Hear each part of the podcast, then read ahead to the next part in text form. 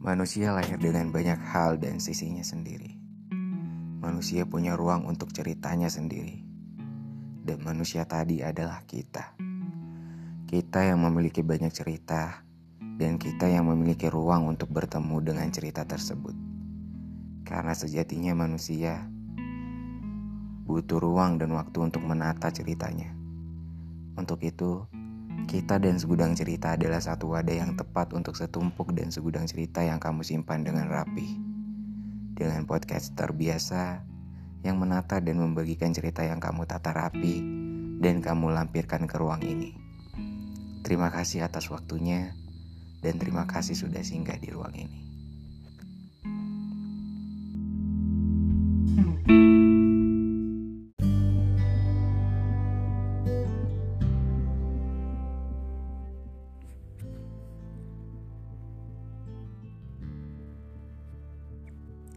Suatu pagi di kelas, gue duduk dengan wajah yang sangat pucat. Gue takut dan deg-degan gak karuan. Alasannya karena semalam tugas yang gue pinjam dari yoga itu disalin secara gak sengaja. Dan tiba-tiba aja ketumpahan air minum dan malah sobek. Padahal tugas itu udah deadline besok dan harus ditulis tangan. Gue duduk melamun sembari membatin banyak hal Gimana ya kalau yoga marah? Udah pasti marah lah. Padahal gue udah nyontek. Sekarang malah nyari perkara. Mungkin yoga nggak akan mau minjemin gue lagi tugasnya. Yang lebih parah, mungkin juga yoga nggak mau berteman sama gue lagi. Mampus, gue harus gimana nih? Selang lima, menit kemudian, Yoga datang bersama Jaki. Mereka menghampiri tempat duduk kosong di samping gue dan meletakkan tas. Pagi Reka, pucet banget, darah lo lendak. Jaki sangat peka terhadap ekspresi gue. Eh, uh, anu, gue, anu, gue gigit-gigit jari. Hah? Anunya siapa kak? Jaki heran tapi dia mikirin apa sih sebenarnya? Yoga, Gue memanggil Yoga tanpa bermaksud menjawab pertanyaan dari Jaki. Kenapa anunya Yoga? Jaki 100% salah paham. Temen sekelas gue yang lain padang nengok ke arah kami dengan pandangan yang aneh. Kini, Yoga jadi pusat perhatian. Is, diem kayak Loki. Gue mau ngomong tahu sama Yoga, gue melototin Jaki. Apa? Tanya Yoga. Gue mempersiapkan batin jika nanti yoga akan marah besar atau mungkin mengobrak-abrik kelas. Karena 16 halaman tugasnya rusak semua. Kan konon katanya orang pendiam atau sabar kalau marah ngeri. Anjay. Tugas lo yang kemarin gue pinjam ketumpahan air minum terus sobek. Ucap gue perlahan dengan senyum tipis yang canggung. Jaki melongo. Hah? Gila. Itu kan 16 halaman ditulis tangan. Lo rusakin semuanya karena kena air minuman. Wah parah sih. Jaki mengipas-ngipas wajahnya pakai tangan. Entah kenapa malah dia yang ngomel. Gak apa-apa. Ucap yoga seperti tidak terjadi apa pun. Serius. Gue kaget lah. Orang gue udah dak dikduk. Yoga mengangguk. Serius yok. Wah kalau gue jadi lo sih gue minta tulisin ulang. Seru Jaki, dia malah manas-manasin yoga, teman setan.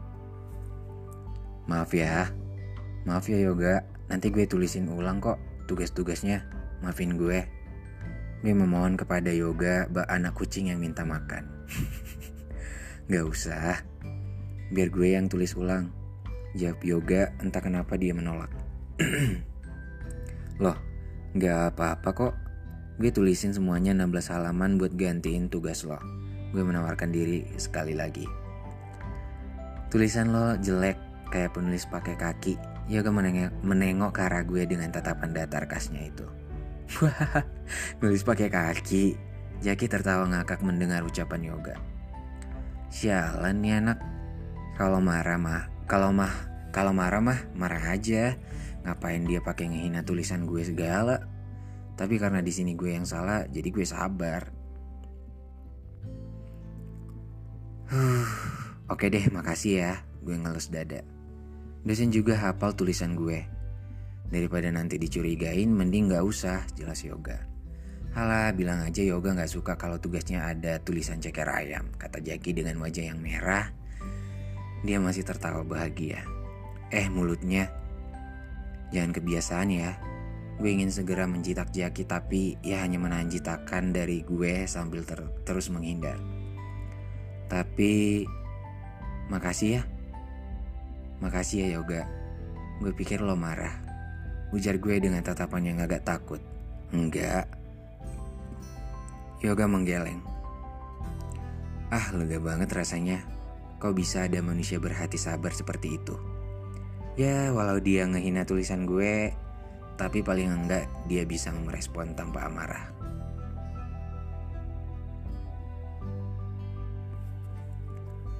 Menjadi mahasiswa di jurusan yang penuh akan laki-laki itu nggak semudah yang dilihat. Gue krisis teman perempuan. Di kelas gue perempuannya lumayan tomboy. Gue dulunya juga pernah sedikit tomboy sih, tapi sekarang udah enggak. Teman sekelas gue yang perempuan sebenarnya cukup akrab dan sering bertegur sapa dengan gue. Tapi mereka juga punya geng bersama teman lelakinya masing-masing. Gue yang sekarang kalau dibilang feminim sih nggak juga ya tapi tetap gue masih doyan pakai rokok atau sesuatu yang girly. Ya, hanya saja entah kenapa gue lebih bisa bertahan dengan sahabat cowok dibandingkan main dengan sahabat cewek. Kayak kalau main sama cowok itu nggak ribet. Lo ngerti gak sih? Tapi nggak selamanya sih main bareng cowok-cowok itu menyenangkan. Karena gue bisa bilang Gue sering sama Jaki, Putra, dan Yoga yang termasuk daftar laki-laki tampan di kampus. Hidup gue nggak setenang yang kalian bayangkan. Dan suatu pagi, saat gue sedang berjalan ke gedung fakultas, ada kakak tingkat perempuan yang ngejat menjegat gue di lorong. Heh, lo anak semester 1 kan di gedung permata? Ujar perempuan berambut panjang yang mengenakan alma mater tersebut. Eh, iya kak, kenapa? Lo temannya Jaki kan? Gue sering ngeliat lo main bareng sama Jaki di kantin. Gue mengangguk pelan. Kemudian ia mengeluarkan coklat dari saku alma maternya. Gue titip ke Jaki ya.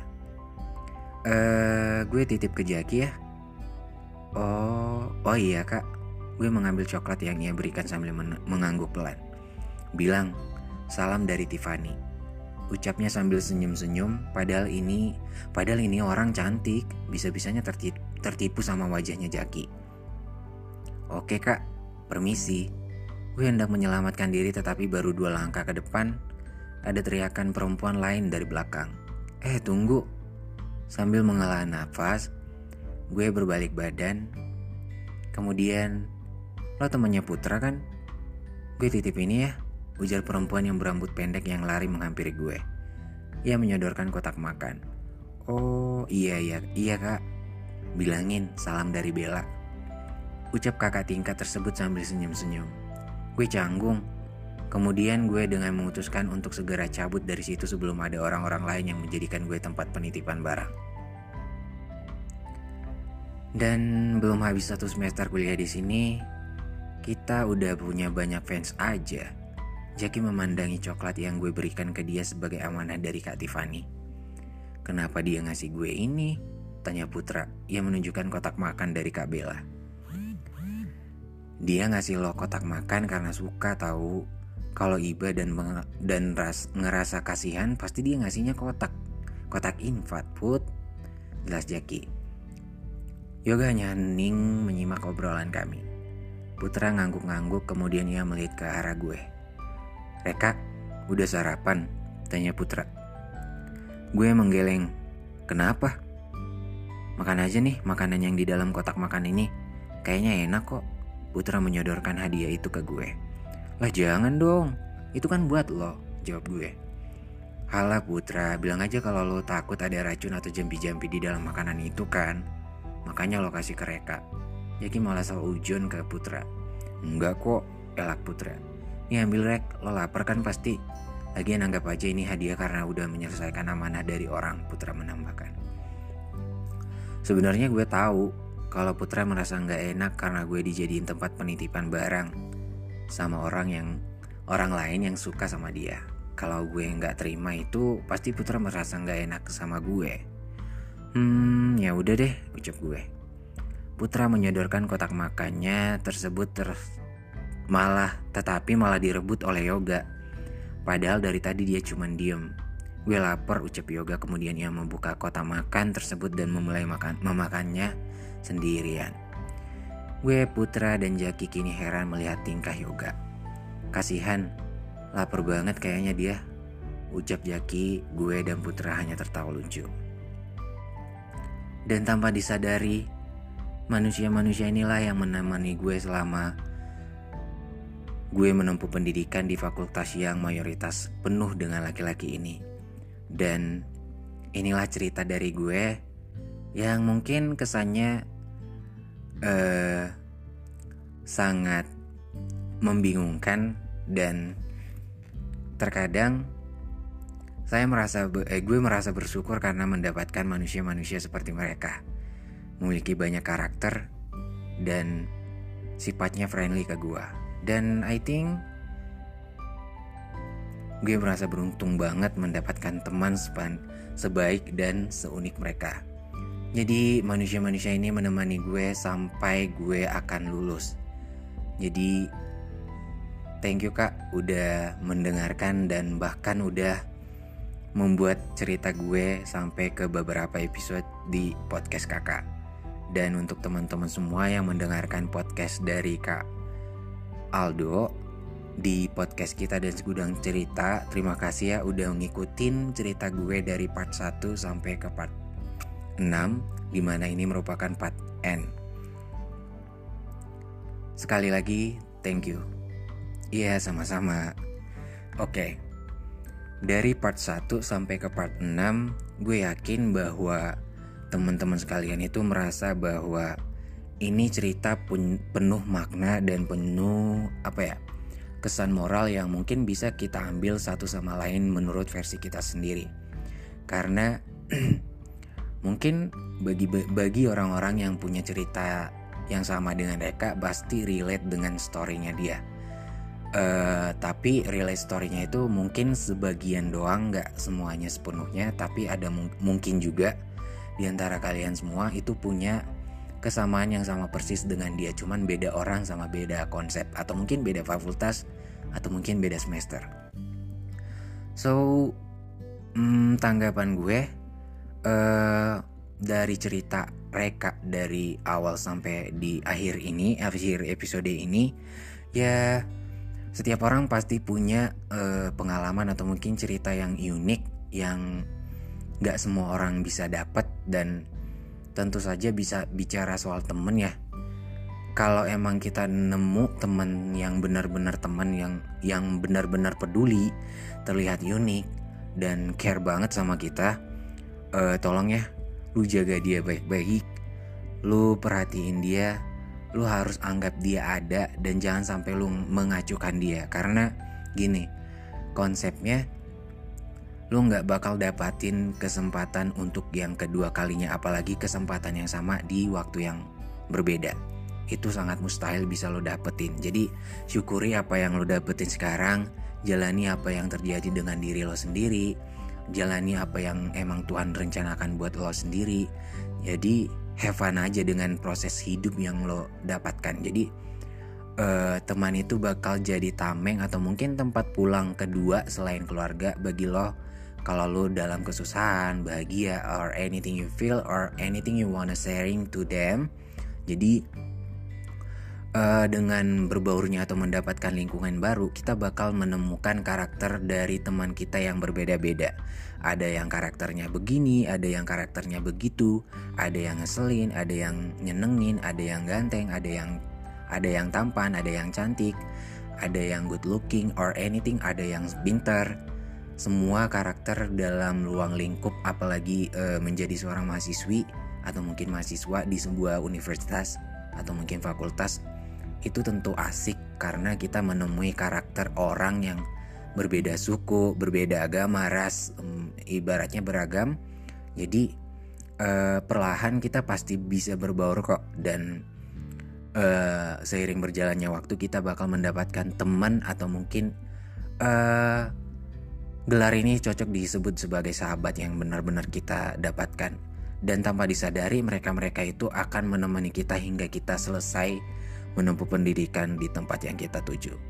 So, thank you Reka atas cerita yang berkesan dan sangat bermanfaat menurut gue pribadi karena lo nya uh, apa ya berbagi cerita pengalaman yang mungkin uh, bisa memotivasi orang lain atau mungkin bisa membantu orang lain buat nggak takut bersosialisasi dengan orang lain.